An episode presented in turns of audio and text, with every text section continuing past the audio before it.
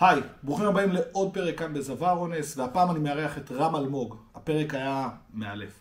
אנחנו הולכים לדבר על איך עושים חלוקה בין שותפים, מאיפה אפשר להתחיל את העסק שלנו, מתי אתם מוכרים שעות או את הערך של מה אתם באמת יודעים לעשות. דיברנו על עוד הרבה מאוד דברים, אני בטוח שאתם תהנו. ועכשיו, לפרק.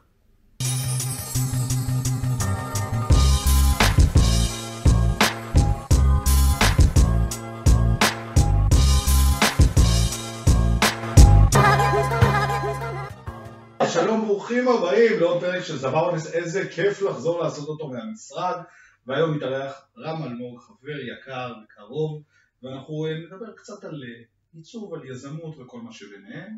תופס? תופס. יאללה, אז אתה רוצה לעשות איזה אלווייטר פיץ' קצר? מי אתה, מה אתה, מה אתה עוסק?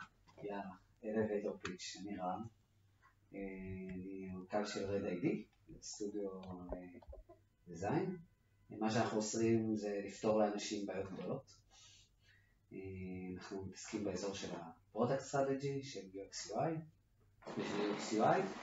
באים אלינו חברות, גם סטארט-אפים וגם אה, חברות גדולות, כאילו Fortune 500, ואנחנו, מה שאנחנו בעיקר עושים להם זה Design Sprint, שזה פרוצדורה שבעצם לוקחת אה, רעיון או בעיה, ומריצים במהלך של שבוע, אנחנו מסכימים על הרעיון, מסכימים מה הבעיה, פותרים אותה בכל מיני אפשרויות, בוחרים אחד הפתרונות, ממדלים אותו ל prototype ובודקים אותו על חמישה יוזרים.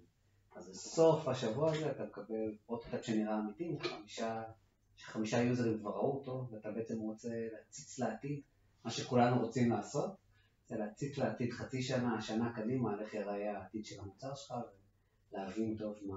כל חברה בעצם צריכה את התהליך הזה, נכון? ממה הוא נולד בעצם, איפה מגיע התהליך? אז כל חברה בשלבים מסוימים צריכה את התהליך הזה, אה,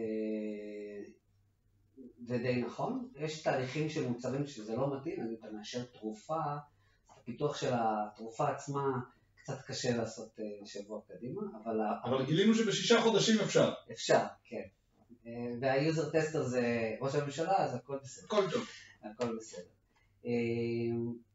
ובעצם, כן, כל, כל חברה צריכה את זה, ומה אה, שאלת עוד פעם?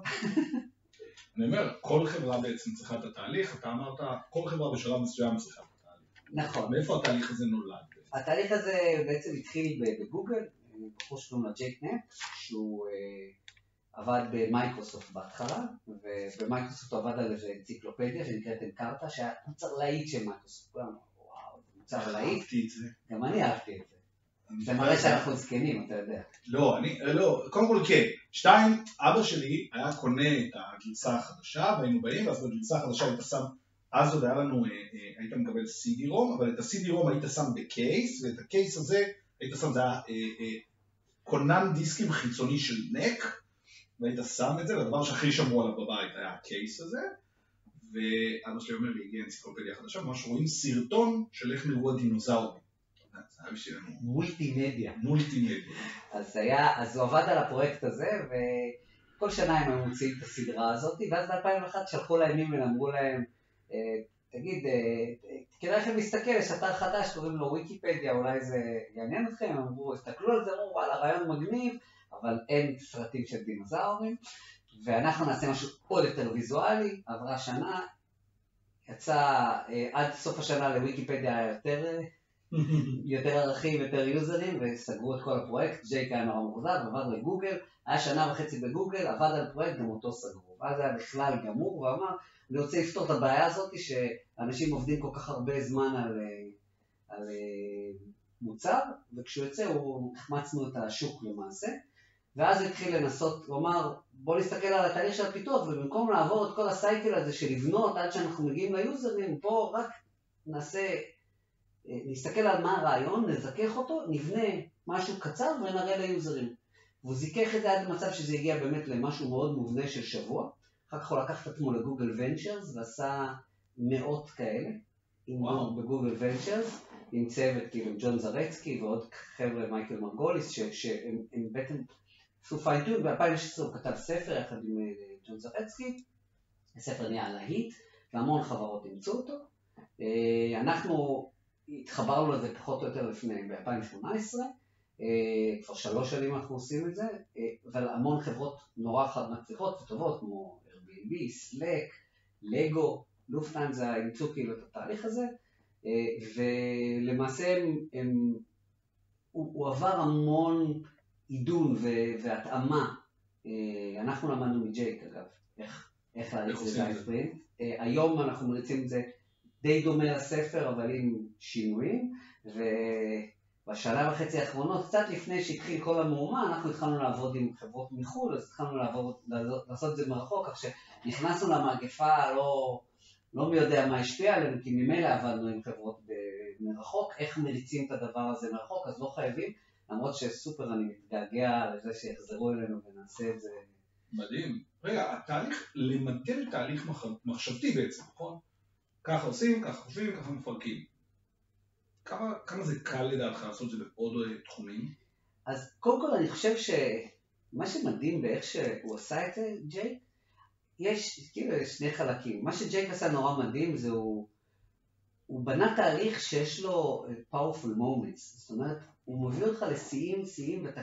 כי אחת הבעיות הגדולות עם תהליכים זה שאוקיי, אנחנו צריכים לעשות את זה, אנחנו צריכים לעשות את זה, את זה, ואתה, אם אין לך בדרך אה, ניצחונות קטנים, אז אתה, אתה לא מבין כאילו לאן זה הולך. עדיין היום כשאנחנו מריצים ספרינטים, אז אנחנו צריכים להגיד ללקוחות שלנו, trust the process, תסמכו על התהליך, זה עובד. ואנחנו יודעים להגיד את זה כי זה עשינו על מאות כאלה. אז אנחנו, תסמכו עלינו, זה עובד וזה באמת עובד.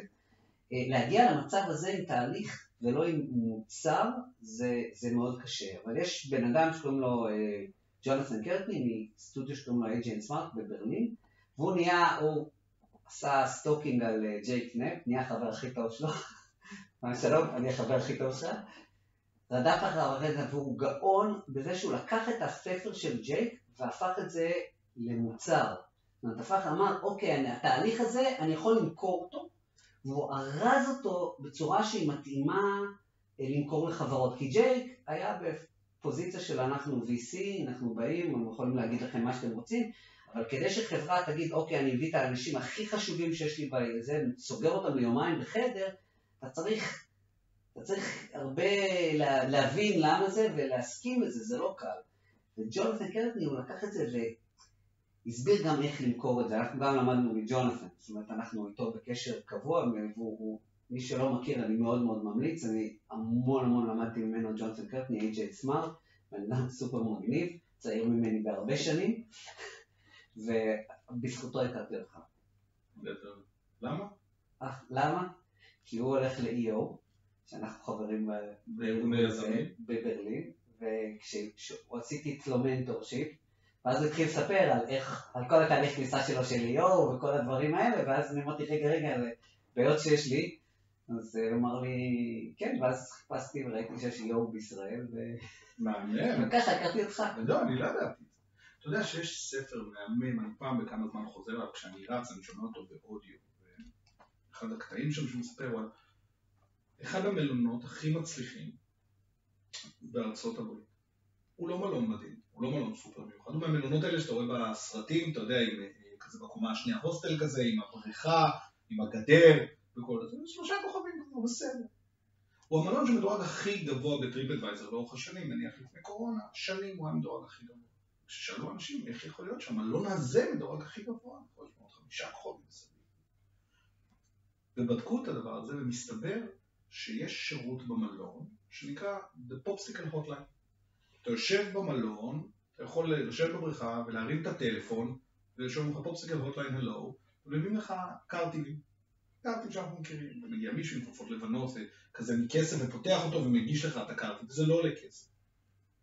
ו-The Power of Moments מדבר על היכולת שלנו לעשות את הרגע הקטן הזה בתוך הדבר. ואנשים לפעמים שוכחים שבתוך התהליך ובתוך החוויה, נכון? תשאיר באמצע כמה רגעים, כי בסוף הוא יזכור אותם, הוא לא יזכור את כל הרגעים שהיו. אז קודם כל, אני שומע איתך את אותו ספר. Power Moment זה כאילו התנ"ך שלנו, כ agency.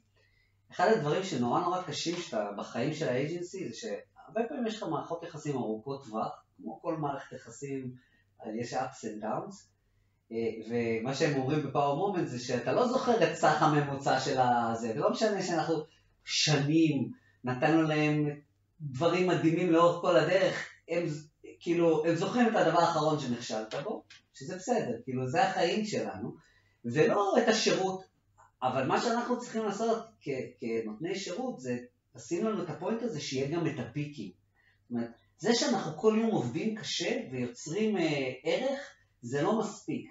אנחנו צריכים לייצר פיקים.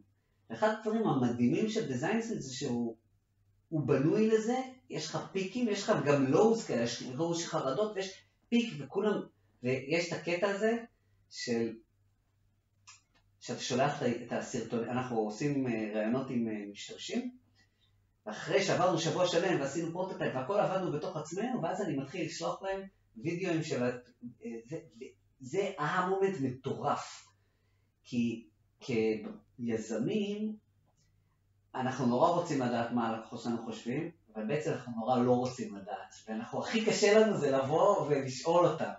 עכשיו אנחנו לוקחים מהם את זה, ונותנים להם רק את, ה, את הכיף של הדבר הזה, של לראות ש... הראיתי לך עכשיו את הטסטימוניאל של, של מישהו שעשה אצלנו קורס, אמר כאילו משהו נהדר והכל, וזה היה בשבילי וואו, אבל אני לא יכולתי לידיים את הרעיון הזה, כי אני מפחד. לא, לא, לגמרי. זה כאילו, זה הקטע שלי, שאתה אתה, אתה רוצה נורא לדעת, אתה לא נורא, אתה נורא קשה לך, וזה powerful moment, אתה מקבל את הוידאו הזה ופתאום מישהו אמיתי שאתה לא מכיר, שלא שילמת לו כסף, שלא כלום, מסתכל ואומר לך באמת בפרצוף מה, אתה, מה חושב על המוצר שלך. אני אגיד לך שיש רגע אחד בעיניי בתקופת הקורונה שהבנתי שהוא רגע מפחיד. ביקשו ממני לעשות הרבה הרצאות, והתנדבתי, באתי, עזרתי, בכיף למישהו. עושה הרצאה איזה 180 מנהלים ומנהלות HR. וההרצאה נגמרת וכותבים תודה, תודה, היה מהמם, היה מהמם. ואני עומד פה, תשע בערב, המחשב נכפה, סוגר את המצלמה, אני מקפל את הדבר, אני אומר, אין לי מושג היה טוב. אני לא. אבל אמרו תודה, תודה, מהמם. לפני שבועיים עשיתי הרצאה ב-EO בארגון בחו"ל, ואחד מהדברים שאני הכי אוהב שם זה איך שההרצאה אני מסתיימת, שולחים לי, שולחים משובים. אני אומר, מהמם. היא חוזרת אליי אחרי שאמרתי, קיבלת משוב מצוין, כך וכך, אנשים גם רוצים להביא עוד אנשים להרצאה הבאה. זה חסר לנו לפעמים. זאת אומרת, אנחנו לא יודעים באמת, אני, הדבר שהכי מפחיד אותי, שאומרים לי, היה מהמם. אני לא יודע, אני לא יודע מה מהמם. אף אחד לא יגיד לך בפנים שהיה גרוע. יש, בזמן עשיתי קורס כזה לשיפור היכולות ההרצאה שלי, והוא הציע שם הצעה שאני די הולך איתה, אחרי ההרצאה באים לך אנשים ומדברים, אז אתה שואל אותם מה אתה זוכר. כאילו, ו, ולפני ההרצאה אתה בא ואתה אומר לעצמך, אם, אם יש דבר אחד שאני רוצה שהם יבינו, מה זה. והרבה פעמים אני כאילו, כשעשיתי הרצאות, לפני זה, והייתי הולך והייתי באמת שואל, אז, מה זכרת, מה הבנת מזה? ואז אני יודע אם היה טוב. כי תכלס, אנחנו רוצים שהם יזכרו דבר אחד או שניים, ואנחנו רוצים שהם יעשו משהו. אני גיליתי דבר אחר, אני שואל, תגיד, אם אומרים לי היה מצוין, היה מדהים, סופר סופר נהניתי, אני אומר, אם, היית יכול לבחור משהו אחד שהייתי צריך לשפר, כי היה מדהים. אה. שמע, אחר כך אתה אומר, היה באמת כזה טוב, כי דיברת עכשיו 20 דקות, אבל ככה למדתי מהר מאוד מה לשפר, כי אם שניים או שלושה אנשים היו חוזרים על אותו דבר, אתה יודע להחליף או להוריד, אני גם מאוד אוהב את, את האילתור. אז עם השנים, אותו סיפור, אתה תשמע אותו כל פעם אחרת, אבל הוא אותו קונספט, אותו מסר, אותו זה, והוא חשוב מאוד. ושמתי לב, בדומה גם לשירות, לפעמים בהרצאה אם אתה מדבר או מתנהל בצורה מסוימת, מה אתה אומר, הוא פחות הבעיה.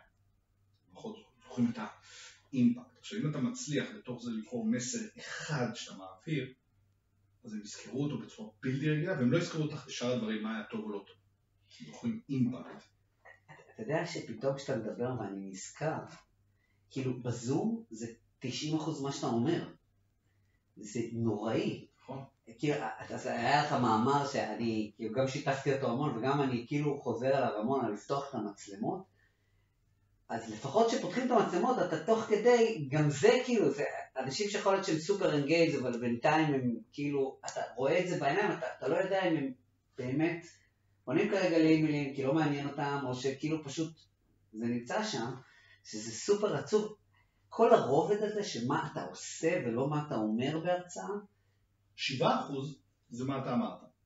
כן. כל השאר, נכון? הוא כל משהו אה, אה, לא דובר, בסדר? בין אם זה האינטונציה שלך או הדברים, התנועה שלך. אז החלק הזה בעצם, הורדת אותו. דבר אחד ששמנו לב בתחילת תחילת הקורונה היה, ואנשים עפו על זה שהייתי מגיע פה למשרד בהתחלה ומדבר בעמידה מול מצלמה פה, ואנשים היו מתלהבים, כי התנועה היה לה אימפקט. בצד השני שאתה מדבר על השלילי, מה שאני כן גיליתי, שאתה לא יכול לעשות בהרצאה פרונטלית הוא, כשאני זז קדימה ואחורה, אני יכול להתקרב למצלמה, אתה בטוח שאני מסתכל עליך. כשאני מסתכל לתוך 100 איש, קרוב מאוד לעדשה, ואני רוצה להעביר את המסר בצורה מסוימת, באותו רגע אתה בטוח שאני מדבר אליך לבד בחדר. ואת זה אי אפשר לעשות בהרצאה פרונטלית. אני יש לי בעיה עם המבט של הזום. כאילו, המצלמה אף פעם לא נמצאת איפה שהמסך, ותמיד אתה, כאילו, אני תמיד צריך לעשות, קודם כל, כאילו, בשבילי, ואני מניח שרוב האנשים, הם משאירים את עצמם דלוקים, הם מסתכלים רק על עצמם. ואיפה שהם נמצאים על המסך זה אף פעם לא איפה שהמצלמה נמצאת, ותמיד אתה צריך לעשות לעצמך את ה... בוא אני אזיז את עצמי לשם, נכון. וזה כבר לוקח ממני משהו. אני כבר לא אימרסיב. עכשיו גם, אני גם ככה, כשאני נגיד מרצה, אז אני, אני גם קצת בתוך עצמי, וגם קצת מדבר אל האנשים, וכשאתה, אחד הדברים שאתה עושה כשאתה מרצה, זה אתה יוצר קשר עין עם מי שאתה מדבר איתו, ומחליף 1, 2, 3, ואז כולם גם עליהם, חס וחלילה שלא תסתכל עליהם, שנתפוס... אין לי את זה בזום, אין לי את היכולת הזאת, ל... ל... אז בסדר, אני מתקרב, אבל כמו ש... זה נכון, אני, אני, אתה נותן את זה, האמת היא, אני אנסה, מה שאתה אומר. קודם כל אפשר. שתיים, וזה דבר מהמם, בחלק מהמקרים, מתחילים ופונים לאחד או שניים, אז לאורך כל השעה הבאה כולם בלחץ שאתה אולי עלול לפנות. כן. עכשיו, השאלה בהתחלה יכולה להיות מאוד כללית, בסדר? היי, אני אשמח זה וזה, היי, מי, רם, אתה יכול אולי לפתוח כמה מילים, אני אשמח לשמוע מי אתה ומה אתה, בסדר? אני תמיד, זה awkward situations, אתה יודע, זה לגמרי, רגע, רגע, אני פותח את זה ואז הם במיוט. לגמרי. אתה במיוט. כן, אני... זה חלק מהעניין. רגע, רגע, ברשותך, אם אפשר שנייה, אני לא יודע עוד כמה זמן יש לנו, ואנחנו יכולים לגלוש פה לכמה ימים של סשן. כן, לגמרי. בוא נדבר רגע ביזנס ברשותך. מתי התחלת את העסק שלך? אוי, איזה כיף זה השאלה הזאת. לפני הרבה זמן, 15 שנה. 15 שנה. ממה אה, התחלתם? מה היה ה-core ביזנס שלך? אז ככה, ה-core ביזנס שלנו זה היה שפיטרו אותי. ואז, כיוון שפיטרו אותי, אה, אחרי שפיטרו אותי התחרטו. ואמרו לי, רם, אולי תישאר עוד קצת בכל זאת, אבל אולי תהיה פרילנסר שלנו? אמרתי, יאללה, בסדר, אבל חצי משרה, נמאס לי, כן? והייתי בחצי משרה, ואז הייתי צריך להתחיל את המשרה השנייה, ואז התחלתי לעשות גם כל מיני דברים של דיזיין, והיה לי איזה סטארט-אפ נורא מגניב, וכאילו בלילות, זה... הדיזיין לא התחל לפני 15 שנה, הוא היה בקור שלכם תמיד? אה, אני הייתי מנהל מוצר בחברה ההיא, וה... והתעסקתי תמיד עם נושאים של פתרון של בעיות. כן. לא עיצוב ויזואלי, אני בא מקולנוע, אבל תמיד היה לי לפתור בעיות, תמיד היה לי קטע של מוצרים. ותמיד אני בא מקולנוע, אז זה כן בא עם visual, איזשהו אלמנט ויזואלי, ואני גם מתכנת, אז אני גם מתעסק עם טכנולוגיה. עכשיו התגלגלתי, אני לא רוצה להיכנס, גם זה סיפור בפני עצמו, אבל פיטרו אותי ואז התחלתי לעשות כל מיני דברים, התחלתי לעשות סטארט-אפ, וגם התחלתי לעשות כל מיני עבודות קטנות כאלה, והתחלתי לעבוד עם SodaStream. סתם עשיתי להם את ה website, כי הבוס שלי לשעבר, שפיטרו גם אותו, אז הוא אמר, היה ב SodaStream, אמר בוא תעשה לנו אתה, ככה הכרתי את SodaStream וזה, ויום אחד אמרו לי, תקשיב, אנחנו רוצים לעשות אתרי e-commerce בכל העולם, בסדר, תמצאו vendor, תעשו את זה, לא, לא, אנחנו רוצים שאתה תעשה, לא יודע למה. אהבו מה שעשיתי בסטארט-אפ, ממש לא הבנתי למה, אמרתי, טוב, אני אתן להם מחיר הכי גבוה שירדו ממני. נתתי מחיר, כנראה הצעת מחיר הכי נמוכה של כאילו, כן, כן, אבל בשבילי זה היה נראה זה, וקיבלתי את זה, התחלנו את האתר באנגליה, אחר כך עשינו את האתר בהולנד, ואחר באמת, דברים התגלגלו ופתאום נהיה לי הרבה ביזנס כאילו כזה, ואז פניתי לחבר מאוד טוב שלי, שהיום הוא שותף שלי, אה, אייל, שעבד איתי בחברה שפיטרו אותי ממנה, ואמרתי לו בוא נקים סטודיו. אני לא יודע, אני ככה, והוא היה לו גם כבר די ג'וב כאילו אחר, חברה מתחרה וככה, אבל הוא שנא גם את העבודה הזו, ובסוף היה לנו שיחה, וזה מה שהאמת אני אוהב לספר אותו, כי אני חושב שהוא סופר קריטי, כי אם יש מה שאני מומחה בו, זה שותפים. יש לי לאורך השנים טרק רקורד מצוין עם שותפים, יש לי 15 שנה, יש לי שני שותפים, אנחנו חברים סופר טובים, ולא שאני אומר שאנחנו לא מתווכחים, אנחנו מקבלים החלטות בצורה שהיא באמת קלה, עם ועדיין סופר מוציאים אחד, ועובדה, אנחנו 15 שנה, אנחנו עדיין חברים, אנחנו עדיין אוהבים, זה עדיין הסיבה שלנו להישאר בעסק. והשיחה הזאת שלי עם אייל היה שיחה מכוננת בשבילי, כשאני הייתי כזה הבוס של אייל בחברה הקודמת, אז הוא חושב שאני מגייס אותו. אז, אה, ואולי גם אני חשבתי קצת ככה. ואז היה לנו שיחה בנונה, ו... ובאיזשהו שלב הוא אמר, אה, זה מעניין אותי כאילו להיות, שנהיה שותפים, 50-50. ובאותו רגע הבנתי שגם אני רוצה שהוא יהיה 50-50, ואמרתי, כן, ברור, 50-50. ולא היה לי, עד שהוא לא אמר את זה, חשבתי, אני מביא את הביזנס, אני כאילו... אבל באותו רגע ירד לי האסימון, שיש לי הבנה עמוקה שאייל מביא לעסק תרומה שווה למה שאני מביא, אוקיי? ולא משנה איפה היינו קודם, אלא שאני לא יכול... ואם מישהו חושב על להיות שותף של מישהו, גם בחיים, גם בחיים, אם אתה לא חושב שהפרטנר שלך מביא אה, את אותה ערך לעניין כמוך, אם אתה חושב שאתה מביא קצת יותר, עזוב את זה. זה ייכשל במאה אחוז, כי אתה תמיד תרגיש שדפקו אותך בעסקה, הוא תמיד ירגיש שהוא underappreciated. יותר מאוחר, ואז התחלנו, והוא הצטרף, היינו 50-50 והתחלנו מעבודות קטנות ולאט לאט, והיה לנו סאב ליסינג, עוד מישהי שעבדה איתנו בחברה ההיא, שהייתה, שאנחנו שכרנו אותה, וכאילו הייתה כפופה לאייל בחברה הקודמת, ועברנו את אותו תהליך, וגם נתנו לה, נהייתה פרטנרית שווה. היה לנו איזה טוויסט על זה בחוזה, וזה היום, כאילו, כולם... הרבה יזמים תמיד, נכון, הם רוצים להביא עוד אה, שותף, עוד אה, מישהו. אני, יש לי בר עם עשרה שותפים. אנחנו חלק מהשותפים האלה, אנחנו ביחד אה, מ-2012, אז אני מכיר מאוד טוב. ואני יזם יחיד בחברה שלי, נכון? תמיד אומרים זה טוב או לא טוב. אבל אז מגיעים שלושה אנשים, רוצים להקים חברה, מי הביא את מי, מי co-founder, מי לא, מה עושים עם האחוזים. כל אחד מנסה to skim out, כאילו לתת פחות, כדי שהוא יישאר, במקום לעשות שותפות אולי, לא? אני חושב, תראה, אין לי ניסיון עם כמות כזאת של שותפים.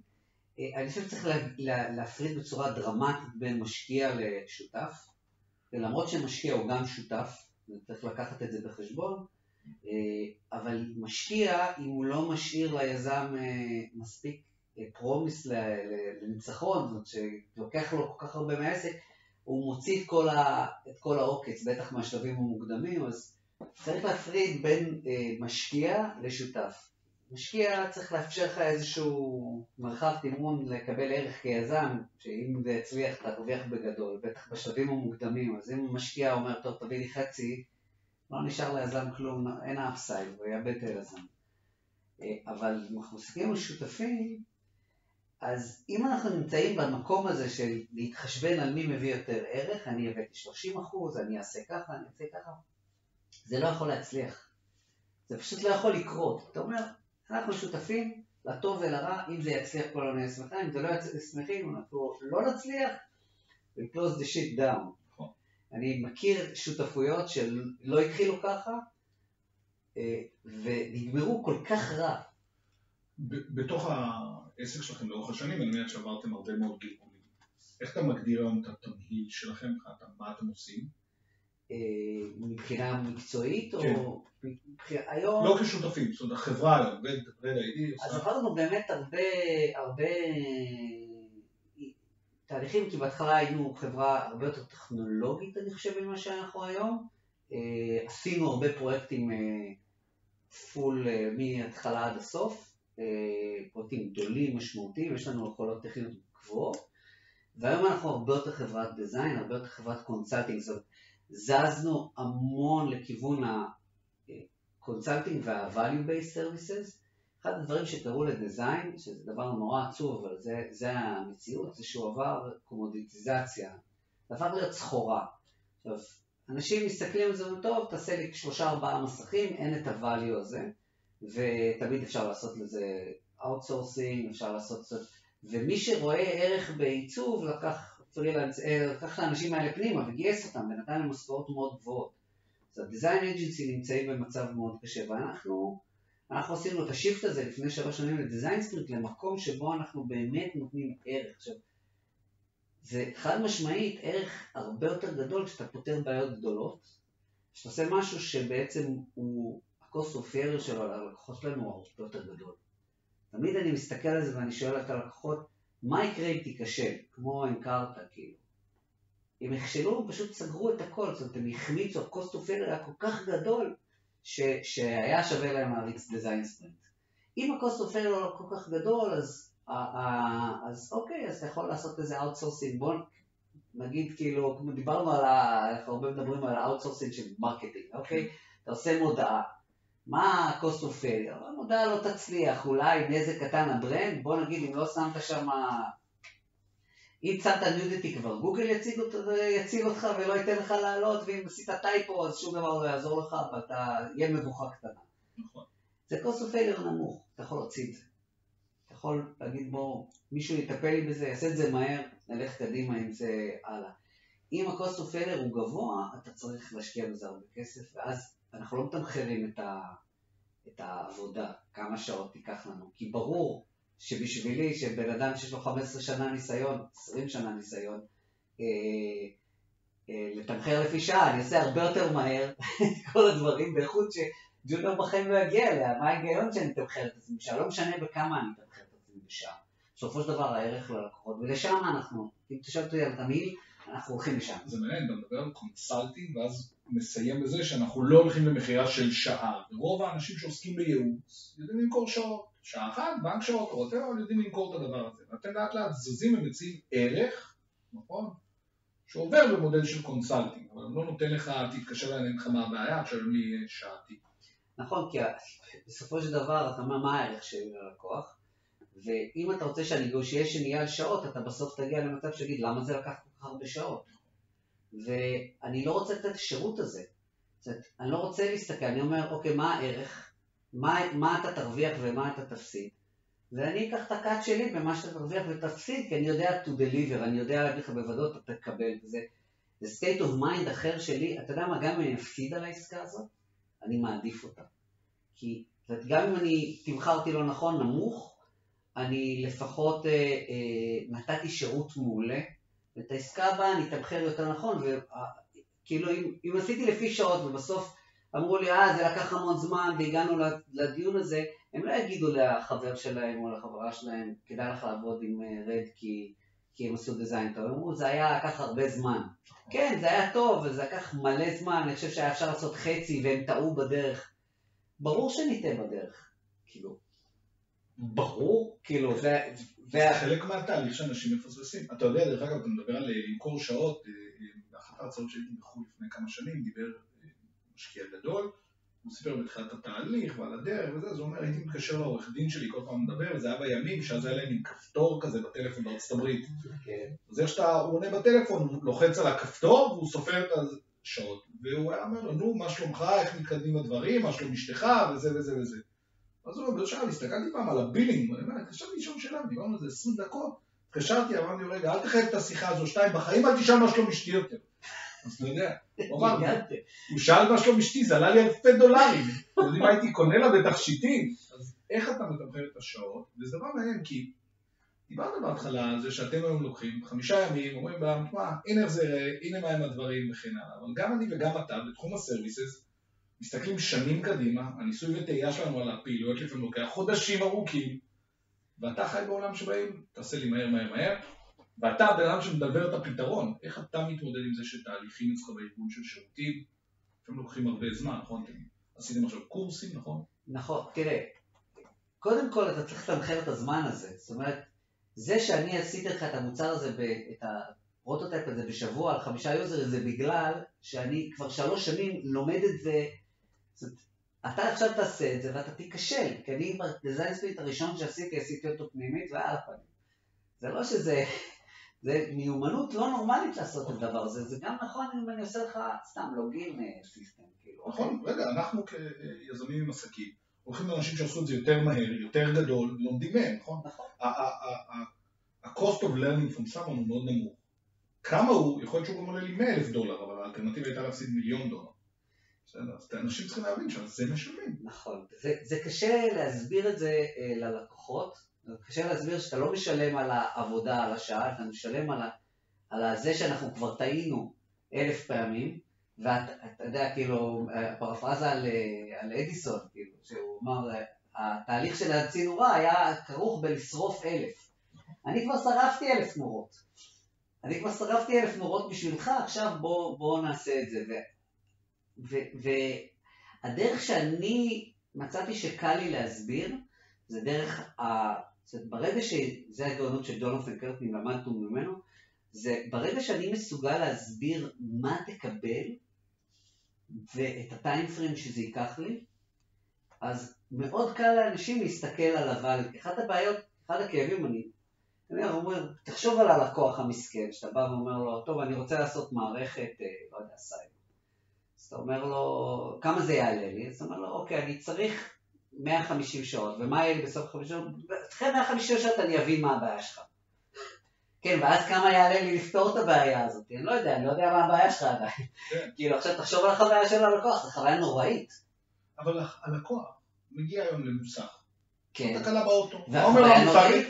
אבל מה אומר המוסכניק? אני לא יודע. נעלה, נכון, תעלה את זה על הג'ק, נבדוק. נכון, אבל אני שואל אותך, ואני שואל אותך, כאילו, ומה, המוסך המודרני אומר? אתה משלם על האחריות מראש, על השלוש שנים האלה, אתה נכנס למוסך ולא אכפת לך, אתה יודע שאתה שלם השתתפות עצמית. זה אנחנו גובים היום מלקוחות, retainer.